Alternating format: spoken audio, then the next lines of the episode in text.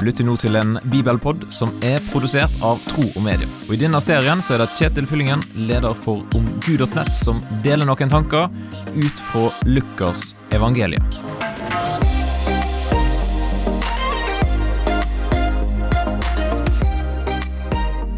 Syns du at det er vanskelig å be om hjelp? Noen ganger så oppstår det utfordringer i livet som ikke helt kan takle på optimal måte på egen hånd. Da er det lurt å være så nær noen andre at det er mulig å be om hjelp.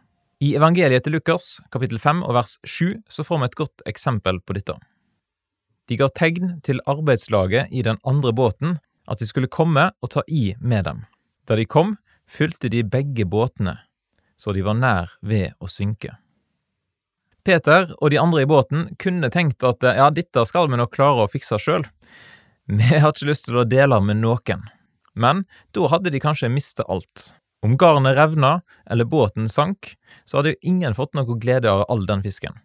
Heldigvis var de nær nok til den andre båten, sånn at de kunne signalisere at de hadde behov for hjelp, og så var de smarte nok til å be om ei hjelpende hånd. Resultatet ble positivt for alle parter. Gjennom livet så er vi garantert at vi vil møte utfordringer, både av positiv karakter, men òg av negativ. Spørsmålet er om vi da har noen som er tett nok på oss, sånn at vi kan henvende oss til deg med spørsmål om hjelp. Har du noen sånne personer i ditt liv?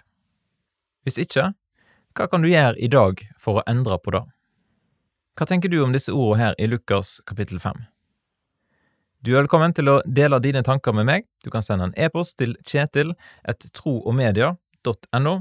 Og så hadde jeg satt stor pris på om du delte Bibelpodden med noen som du kjenner, som du tror kan ha glede og nytte av den. Da ønsker jeg deg en fin dag, og så poddes vi jo plutselig igjen. Takk for at du lytter gjennom denne bibelpodden. og Vil du gi en tilbakemelding på det som du hørte, eller vil du lære mer om kristen tro? Da kan du gå til nettsida omgud.nett. Eller du kan sende en e-post til kjetil etter troogmedia.no.